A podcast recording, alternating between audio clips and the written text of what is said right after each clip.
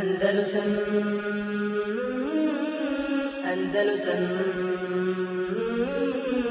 Andalusam Andalusam 247. malo duži hadis koji govori o tome mm, o propisu jedenja muhrimu ob, osobi kao obredima, hira, uh, obredima hađa zanijetila obrede hađa ili umri odnosno pod ihramima kod nas obuče oni, oni, oni bijeli ovaj, ihrame tak se zovu da li je njemu dozvoljeno da jede i u kom slučaju jest u kojem nije da je dozvoljeno da jede uh, meso od ulovljene životinje O tome govori hadis. Pa ćemo spomenuti hadis. Kaže, an ebi qatadet ansari radijallahu anhu, an Rasulullah sam sadam haređa hađan. Ebu qatadet ansari, kaže, prenosio da Allahu poslanik sadam, kaže, izašao na hađ, krenuo na hađ. Fa haređna me, kaže, pa smo i mi sa njim izašli. Kaže, fa sarafa taifeten minhum, fihim ebu qatade, kaže, pa je, kaže, E, skupinu od njih koji su krenuli sa poslanikom, poslanikom sa Lancanem na hađ, njima je rekao da, a među njima kaže bio je Bukatada. Njima je rekao, kaže, huzu sahil el bahri, hata nel taqije. Ili nel taqije. Kaže, idite, kaže, obalom mora, sve dok se, kaže, ponovo nesretnima. Su krenuli iz Medine, misli od Medine prema Mekke, južno. Kaže, fe ehadu zahile bahre. Pa su oni krenuli, kaže, išli uz obalu, znači skupina ashaba. Kaže, fe leman sarefu ahremu kulluhum. Pa kaže, kada su, jel, kada su krenuli, svi su zanijetili, svi su zanijetili obrede hađa. Bili pod ihrama. Kaže, illa eba katade, lem juhrima. Kaže, osim ebu katade, on nije, kaže, nije zanijetio obrede, obrede hađa. Kaže, fe bejnema hum jasirun, i dok su oni, kaže, tako išli, idhe ra'av humore vahšin. Vidjeli su, kaže, vidjeli su divlje magarce. Zebre, tako. Kaže, fe hamele bu katade ale humor, fe akare minha etanen. Kaže, pa je Ebu Katade, kaže, krenuo, a, znači, htio da ulovi htio da ulovi jednog, jednog od divljeg magarca, kaže, uh, pa je uspio, kaže, uspio kaže, da uhvati jednog etanen, tako misli se na, na ženskog, uh, ženskog magarca, divljeg. Kaže, fe ne, ne fe akelna mi lahmiha. Kaže, pa smo se mi ovaj, na jedno mjesto uh, odsjeli i kaže, jeli smo meso. Kaže, thumma kulna kaže e kul min lahmi sajdin wa nahnu muhrimun. Pa kaže pa smo se onda zapitali kaže mi jedemo kaže jedemo meso kaže od uh, ulovljene životinje a mi smo muhrimi mi smo pod ihramima. A onda su nastavili da kaže fa ma baqiya min lahmiha. Kaže pa što ostalo od mesa ponijeli smo sa sobom Fedrekna Rasulullah sallallahu alejhi ve fesel nahu adalik. Pa smo kaže dostigli Allahu poslanika sallallahu alejhi ve sellem kaže pa smo ga pitali o tome. Fa qala fa qala kaže minkum ahadun minkum ahadun amarahu an yahmila alejha kaže jel neko od vas tražio nje, naredio njemu? Kaže da ulovi da ulovi divljo magarca kao, evo, kaže evo ešare ili ja ili pokazao prstom na magarca pita to poslanik sam sam. Kalu la, kaže, mi smo, oni su odgovorili, kaže, la, nis, nije niko, kaže. Kala Rasulullah sallam, fekulu ma beqije mi lahmiha. Pa je onda rekao, kaže, jedite to što je ostalo od mesa. Jedite i to što je ostalo. Znači, uh, znači uh, odobrio to što su uradili. U rivajetu drugom je došlo kod Buharije, hel ma'akum minhu še, pita ima li nešto, je vam ostalo nešto od tog mesa? Fakulna, nemam, da, ostalo nam je, kaže, fe, kaže, fe na adude, kaže, pa sam mu dao, kaže, jedan dio mesa adud mišicu, kaže, fe ekele minha. Evo, kaže, ekela, kaže, pa jeo dio mesa ili vidim pojeo kompletno meso. Uglavnom, u ovom rivajetu drugom potvrđuje da je poslanik sa Allahom sadem jeo od tog mesa ulovljenog. Ovo ovdje što se desilo, ovo je bio događaj kada su krenuli uh, takozvani umr al-Hudejbije. Kada su krenuli da obavili umru, a nakon toga se desila dogovor na Hudejbiji. Kada su krenuli da obavili na umru, pa je, pa je poslanik sallallahu alaihi wa sallam, znači tada, znači za nisu zobrili umri, Pa je tada, znači, e, naredio skupine od njih, kad kaže što je jedna skupina išla uz obalu, znači iz tog razloga, znači oni su krenuli na umru, znači još uvijek su bili, e, znači nije, e, bila osvojena Meka, vraćena Meka, još uvijek su bili, znači, u ratu sa, sa Kurešijama. Dobro. Uglavnom, ovo što je došlo u hadisu ovdje, e, znači u godini na, u Hudejbije, poslanik sallallahu alaihi sallam, znači krenuo sa ashabom da odbave umru, e, pa je, kaže, on njima, poslanik sam na, Dhul Hulejfi, to je onaj Mikat, rekli smo ono mjesto, Mikat gdje se, gdje se ulaze obride, obride hađa, koji je blizu Medine, otprilike neki 15 km. E, došla im je vijest da je neprijatelj da je došao, da ide putem, da je krenuo putem obale uz more i da želi da ih presretne, da ih napadne. Pa je poslanik sam zbog toga naredio ashabima, među njima bio je Katada, da skupina njih ode i da kako bi srela, kako bi se sre, susrela sa njima. I kako bi odvratila od tog da njih napadnu, naravno. I onda se desilo ovo što se desilo.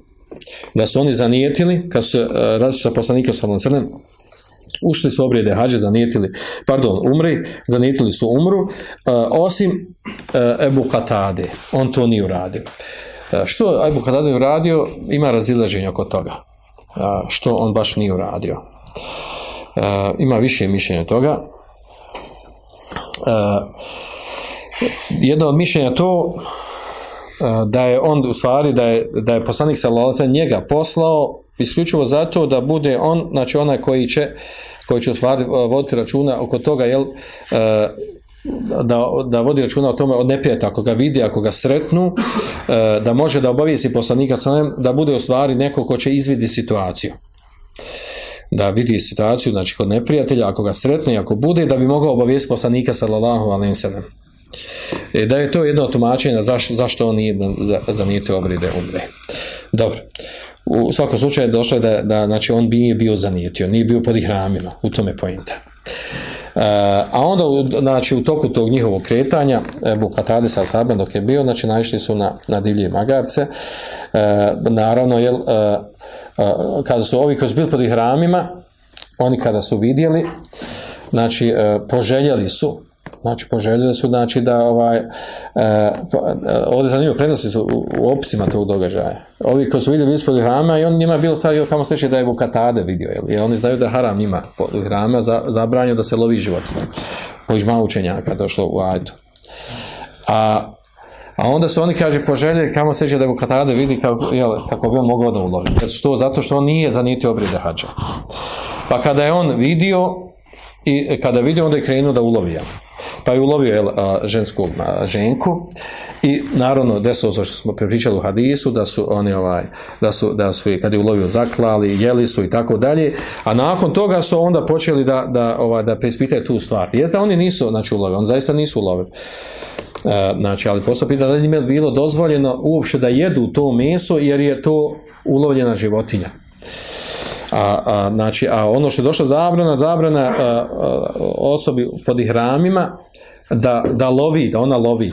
E sad posle pitan da li dozvoljeno da jede ulovljeno meso koje, e sad vi ćemo ovdje ima veliko razvijenje kućnjaka, što je dođe na jedan drugi hadis ovaj, gdje je došla zabrana da se, da se jede uopšte to meso. I onda zbog toga ovog hadisa i onog hadisa došla veliko razvijenje zbog toga kako razumijeti, kako spoji te hadisa. I naravno oni kad su jeli meso, e, došla je ta sumnja da se ispravno postupila, su, kad se vratili sred poslanika sa e, pitali su ga i onda je on pitao onu stvar jesu oni e, išaretili, tražili od da on njima ulovi, pa kad su odgovorili da, ovaj, da nije, e, nego on to o sebe samo radio, onda im e, potvrdio tu njihov postupak, što su jeli to meso, i čak u rivajtu je došlo da je tražio da i njemu daju, daju i da, da onda i on sa njima jeo nešto od tog mesa. Uglavnom, uglavnom ovdje znači, ovaj, modu hadisu, s ovim hadisom dokazuje ova, između ostalog, onaj osoba koja ide na, da obaje obreda hađa i umri, svejedno bio daleko ili blizu, znači on ima izbora po pitanju puteva kojima će se kretati. Znači, e, znači kojim putem će ići, znači, e, znači hoće li će ovom stranom ili ovom stranom. Šta je dokaz? Znači, nije važno da moraš ići baš na mikat Znači, e, poslanik sada na sahabi su ošli na, na Mita, Mika Zul Hulejfe. A ovu skupinu su poslali, znači poslali su prema obali, pa su oni tek poslije zanijetili obride. E, Kad su zanijetili, znači otprilike, kad, kad dođe isto, to arabskom kaže juhadi, otprilike, znači kad se prolazi na isto mjesto gdje bude mikat, na drugoj udaljenosti. A s time dokazuje, znači osoba sad, znači nije, kad smo mi spomenuli da ima 4-5 mikata, shodno razilaženje oko petog, e, znači nije važno da mora ići baš na mikat. Može naići između mikata, ako ima put, s tim da zna otprilike na nekom mjestu da se procijeni, da to mjesto mora zanijetiti obrijeda hađa ili umri, zavisi što obavlja. I to ovo je dokaz, znači ovaj hadis je dokaz za to. E, onda ovdje hadis sa njim se dokazuje da je dozvoljeno jesti e, meso divljeg magarca, pa makar bilo i od sajda, od ulovljene životinje. Naravno, ovaj, e, znamo na hadis vjerodostojan e, i oko toga skoro da nema razilaženja, nije poznat nema razilaženja, neki spominju učenjaka, e, da nije dozvoljeno jesti meso domaćeg magarca. Zašto? Došlo u tekstu Hadisa pojašnja. Zašto nije? Kaže Ina Horić. Zato što spomenuti da je, da je njegovo meso nečisto. Tako došlo u tekstu Hadisa. E, tako da neki učenjaci kad ubrajaju neđasete, nečo- nečistoće, kad nabrajaju nečistoće, ubrajaju i meso, e, i meso e, e, domaćeg magarca. Također s ovim hadisom e, sad dokazuje se da je e, da nije dozvoljeno muhrimu da, e, e, da vrši e, e, da lovi životinje niti da pomaže onom ko lovi znači svejedno da, da, da pomaže u smislu da mu da mu ukaže ima ovdje aha naišao je zez, naišla je srna naišla ova životinja ili fazan i tome slično i evo ga idi ga ulovi. Znači na taj način e, ni da traži da ulovi da nisu vidjeli, kaže idem ulovi. A ovaj nije mogli. Niti da išarete njemu.